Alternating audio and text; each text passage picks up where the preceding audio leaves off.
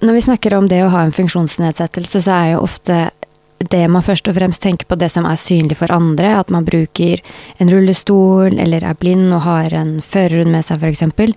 Men mange lever jo også med en kronisk sykdom eller en funksjonsnedsettelse som andre ikke kan se, og som derfor går litt under radaren. Hvordan er det å ta plass i samfunnet og i politikken når du har en funksjonsnedsettelse som ikke er synlig?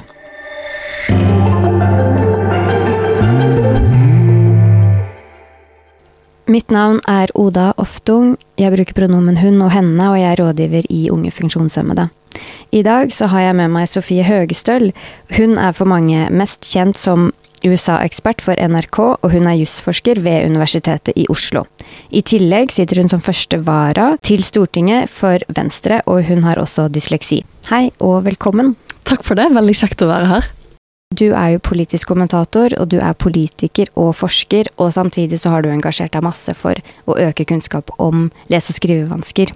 Så det er mange innganger til, til, det feltet her. Hvordan er det ditt samfunnsengasjement oppsto, og hvordan har du navigert det veien dit hvor du er kommet i dag?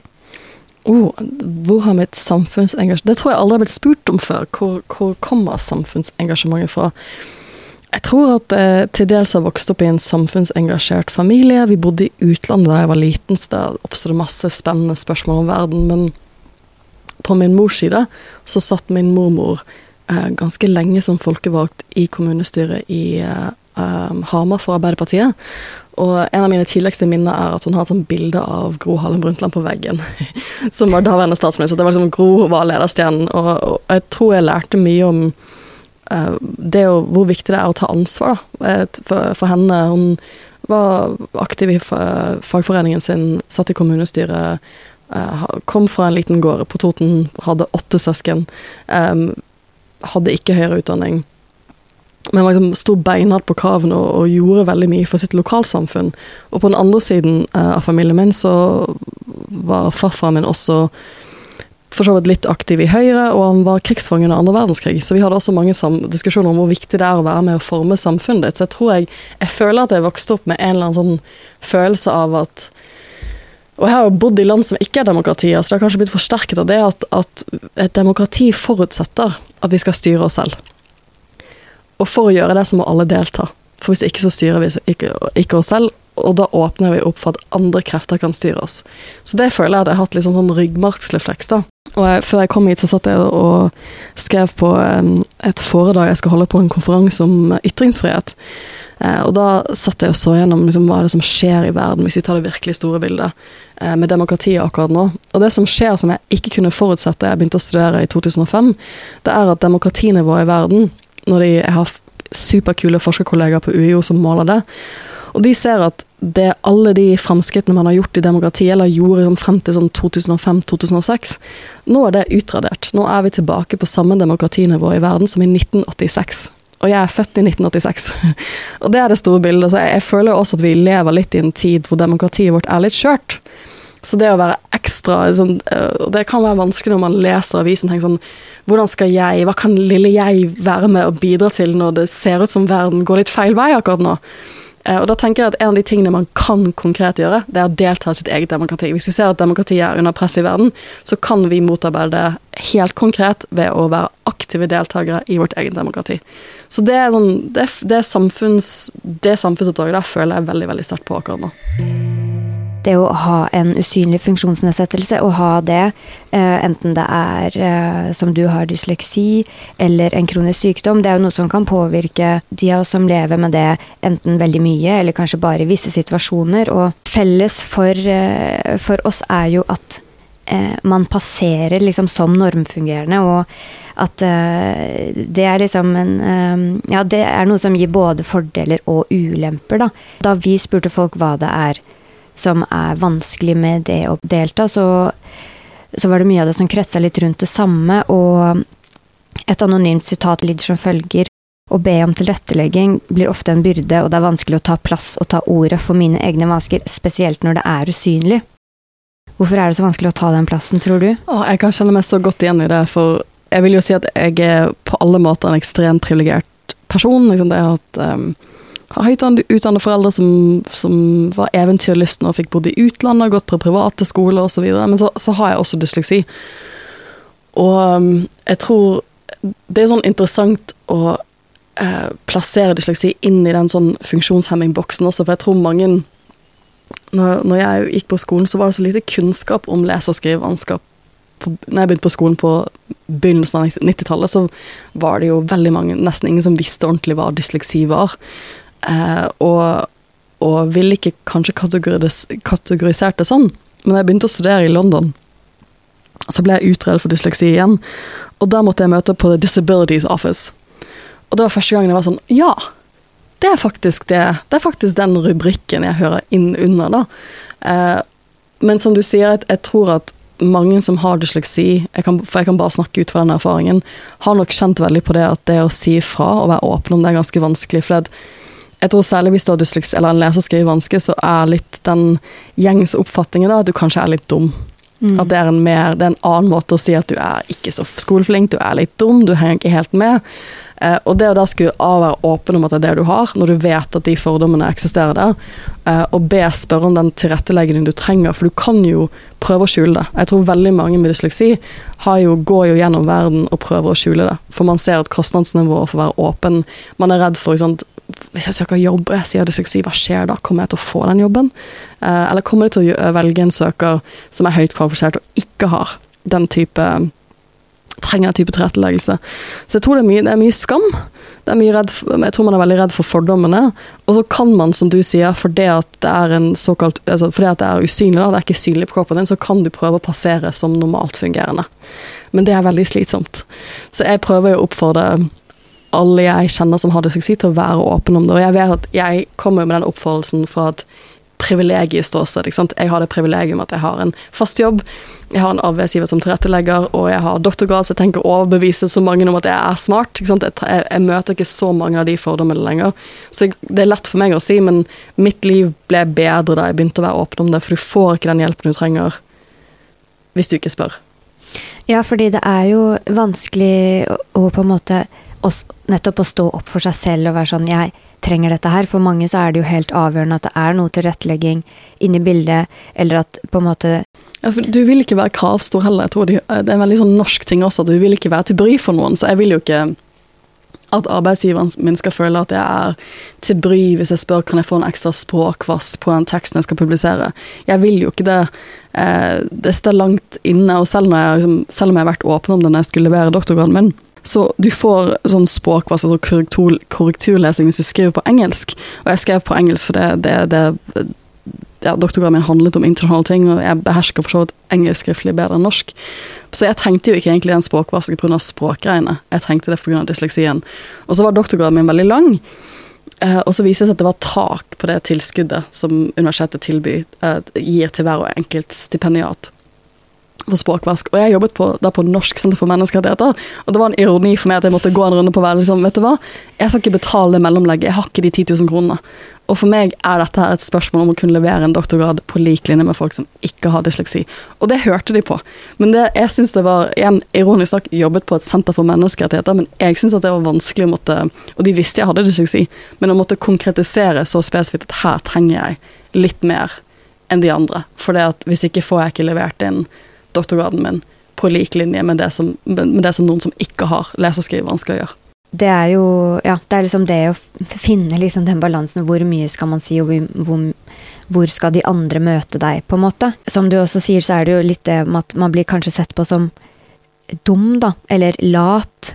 Mange er jo sånn at man har brukt all sin kapasitet på nettopp å konsentrere seg, og så kan man ikke være med på den siste opprydningen da, på møtet. Så blir du sett på som la at du gidder ikke ta de oppgavene som er kjipe, men det handler jo om et uh, energi, en energiøkonomi som må gå opp. Mm. Og så er det lite uh, forståelse for det. Absolutt. Jeg har en uh, bekjent som heter Ragnhild Holmo, som har skrevet en veldig bra bok som, her, som heter 'Du ser ikke syk ut'. Og den traff meg veldig fordi hun var aktiv i Venstre litt på den samme tiden jeg begynte å bli aktiv. Og vi satt i internasjonalt utvalg sammen, og, så begynte, og jeg syns jo hun, var, hun er jo kjempesmart og superkul, jeg har lyst til å bli bedre venner med henne. Jeg har nettopp flyttet tilbake til Norge, jeg kjente ikke så mange. Og så ble hun mer og mer fraværende fra det arbeidet. Og jeg ble litt sånn irritert. Eh, men så, etter å ha lest den boken, og den er en fantastisk bok om, som beskriver akkurat det med den energiøkonomien Hun blir jo da kronisk langtidssyk. Og hvordan det er å gå fra liksom være høyt, høytfungerende da, i hermegårstein til å plutselig ikke ha energibudsjett til noe som helst. Det, det, liksom, det stakk litt i meg da jeg leste boken, for det at der tror jeg det, man, man, måtte gå noen runder med seg selv om, om hvilke forventninger man har til andre, og og hva vårt samfunn verdsetter, da. Det var veldig lærerikt for meg å lese. og Det er jo sånn interessant Særlig i politikken, for det er det vi skal snakke om her, så er det interessant for at politikken, politiske verv krever jo ofte mye energi. Og det krever ofte mye fritidsarbeid og uh, kveldsarbeid som jeg sliter med å gå opp. Jeg, helt, jeg er ikke såkalt broiler, jeg har en helt vanlig jobb. Det må gå opp med, med alle sideprosjektene mine. og hvis du eh, Og det skal jo være frivillig, og det, det skal være kveldsmøter, men hvis du krever en del sånne ting, så kommer en del folk ikke til å ha energibudsjetter. Eller ikke til, det kommer til å være mye høyere barrierer for en rekke folk til å delta da, når det er strukturert på den måten det er. Og det, det har vært et sånn et kors for ettertanke for meg, da. Mm. Etter å ha lest den boken. Det er jo lokalvalg til høsten. Ja. Jeg tror særlig én ting er Stortinget, men det har jo slått meg de gangene jeg har møtt på Stortinget. Det er ikke så mange på Stortinget som har synlig funksjonsnedsettelse. Um, men da, da, snakker jeg jo selvfølgelig synlig funksjonsnedsettelse. Men hvis du tenker på sånn mindre kommunestyre, og det er jo ryggmargen i norske demokratiet, så jeg, jeg kan se for meg at det må, kan være vanskelig hvis du går inn i kommunestyret kommune, kanskje 5000 innbyggere, og du er nyvalgt, og du skal be dem om å tilrettelegge skriftstørrelsen i alle papirene du får, sakspapirene du får, for det er masse å lese på bakgrunn av, av dine behov, så kan det være vanskelig. og Det er nok en av grunnene jeg tenker til at folk tenker at dette åh, eller det å stille til politiske verv, det blir for mye Det blir en ekstra stress. Nå, jeg husker når jeg begynte å bli aktiv i Venstre, så satt jeg i et sånt menneskerettsutvalg de hadde. Det var egentlig sånn jeg kom inn i partiet etter jeg flyttet tilbake til Norge. Og da um, skulle jeg levere en sånn skriftlig innspill, men jeg hadde måttet få faren min til å lese over det. For jeg var så redd for å ikke skrive godt nok, eh, eller skrive feil. da, ikke se um, det, Så jeg brukte mye mer tid på det enn jeg antar noen av de andre kollegene mine i samme utvalg gjorde. Mm. Og Det er sånne små ting da, at det er liksom at da, at da blir kostnaden, transaksjonskostnaden litt større, eller terskelen for å delta bitte litt høyere. Og igjen, hele forutsetningen for demokrati, for at vi skal ha et friskt og levende demokrati, er at så mange som mulig deltar, og at du eh, får en deltakelse som speiler hele befolkningen. For når du har grupper som ikke deltar, så vokser det frem usynlige tomrom. Hvor man ikke får dekket den gruppens politiske behov. For det er ingen til stede som kan målbære den erfaringen og de behovene. Det er ikke nødvendigvis at det at majoriteten ikke ønsker å tilrettelegge, det er det at hvis det er ingen i rommet som har erfaringer av den typen, så er det fort at man hopper over de problemstillingene fordi at man ikke er representert, da. Nå har vi snakket eh, litt om hva som er vanskelig og at man ikke får komme med, men har du noen eksempler eller opplevelser av noe som har funka? Vært sånn Yes, altså dette er faktisk Jeg er veldig velkommen her. Oh, um, jeg skal ikke snakke for henne, men vi, vi fikk et nytt medlem av Venstre, Oslo Venstre for noen år tilbake som har vært veldig engasjert i Døveforbundet. Og hun hadde noe sånn skikkelig For hun kom inn rett og slett med den erfaringen som ikke vi, liksom, vi andre aktive hadde på samme måte, og komme med en veldig konkret politikk. Og det tror jeg ble fremmet i Stortinget kort tid etterpå. Da satt vi i regjering, så da var det jo mye Hvis du da liksom, kan fremme det som et regjeringsparti, så er det noe helt annet. ikke sant? Så det var veldig kort Vi er jo et lite parti, da, men det er veldig kort vei for å bli medlem og komme med tiltak, og så se at det blir politikk. Litt fordi jeg tror at mange politiske partier det er på utkikk etter nye talenter og de er på utkikk etter god politikk. Uh, nå, nå, skal det være lokalvalg, men etter det så begynner den lange fremmarsjen mot uh, stortingsvalget. og uh, Venstre og jeg tror de aller fleste andre partier er allerede i gang med å skrive stortingsprogrammene sine. Hva er et stortingsprogram? Jo, det er den politikken som partiet forplikter seg til å gjennomføre i neste stortingsperiode. Så det er veldig viktig. Og hva er, hva er, alle programmene på utkikk da? God politikk! Så hvis du kommer med gode politiske forslag basert på, eh, basert på, på det du har opplevd, så, så, er ikke det så lang vei, særlig ikke i Norge, så er det ikke så lang vei til at det kan bli stortingspolitikk. Og hvis vi snakker om lese- og skrivevansker, så er det jo en ironi at på et tidspunkt, som 2013, så var jo de fleste partiene på borgerlig side styrt av politikere med dysleksi. Erna Solberg har dysleksi, Trine Skei Grande, som var partileder for Venstre, har dysleksi. Knut Arild Hareide har dysleksi. Så det var en liten periode hvor vi hadde en sånn ren dysleksistyrt regjering. Så det, det, er absolutt veldig veldig gode muligheter. Um, og det er liksom litt det fantastiske med Norge. at Min erfaring er at det er andre land, liksom store land, veldig mange liksom, Kanskje mye mer sånn politikerelite enn det vi har i Norge. Mens hvis du, hvis du liksom, Vi holder jo på å sette sammen lokalvalglistene våre. Vi er, vi er så på utkikk etter gode lokale kandidater. ikke sant? Gode folk til å stille til, til, til, valg. Det er ingenting som gjør oss eh, lykkeligere når vi finner noen som har lyst til å sitte i kommunestyret sitt og stille til valg. Så det er, liksom, det er masse muligheter hvis man først begynner å engasjere seg. Mm. Og det som også er fint uh, når man tenker på de, altså den ledelsen, da, er jo det at man kan ha dysleksi eller en annen uh, type funksjonsnedsettelse, men du trenger ikke nødvendigvis bare drive med funkispolitikk. Fordi mange tror jo også det at ja, ok, du kommer inn her. Uh, du er funkis, og da jobber du utelukkende med det. Men sånn er det jo ikke i det hele tatt. Man er jo opptatt av alle mulige ting. Noe annet som folk oppga, faktisk en av de aller viktigste grunnene for at ikke de deltar, er at man ikke visste om muligheten for å delta, og i vårt samfunn hvor det er en overflod av informasjon, og også i skolene hvor det er ganske grundig undervisning i demokrati. Hva tror du skjer her, egentlig? Det er færre folk som deltar i politiske partier enn før. Og jeg har tenkt på mye om hvorfor, hvorfor er det sånn. Litt fordi at mitt inntrykk for alle partiene, selv de store, er at det er ingenting som gjør de mer glad enn nye medlemmer. og nye, kule medlemmer som har lyst til å bidra. For partiet er helt avhengig, altså selv store partier som Arbeiderpartiet er helt avhengig av grasrot, altså nye grasrotfolk som har lyst til å komme og gjøre en innsats. Så, og, og det, det, er sånn problematisk på mange måter.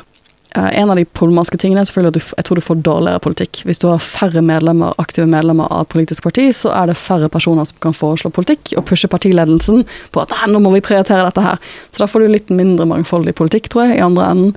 Det andre er at du får færre folk å velge mellom når du skal ha verv, når du skal mm. utdele disse store posisjonene. for det at det er klart, Skal du sitte på Stortinget en dag, eller sitte i et kommunestyre eller bli statsråd, så må du nok være medlem av Eller det hjelper stort da, å være et aktivt medlem i partiet. Det er vanskelig å komme inn helt fra sidelinjen. Det er jo folk som har gjort det, men det er ganske vanskelig. Eh, så du får jo eh, mindre folk å velge mellom du skal lage sånne stortingslister og kommunestyrelister og sånne ting. Og så er det jo til syvende og sist også færre som I Norge har vi jo listevalg, ikke sant. Du blir politisk valgt fordi at du står på listen til partiet ditt, og gjerne da høyt oppe for at du skal komme inn på listen til partiet ditt. Og jeg får av og til spørsmål fra folk som ikke er politisk aktive. Hvordan kommer du på en sånn liste? Så sånn, Du er aktiv, og du er medlem. Du stiller deg til disposisjon for verv. Og de som bestemmer sammensetningen av den listen, det er jo eh, vanligvis eh, medlemmene i lokallaget. Så liksom Oslo Venstre var de som stemte over at jeg skulle stå på stortingslisten.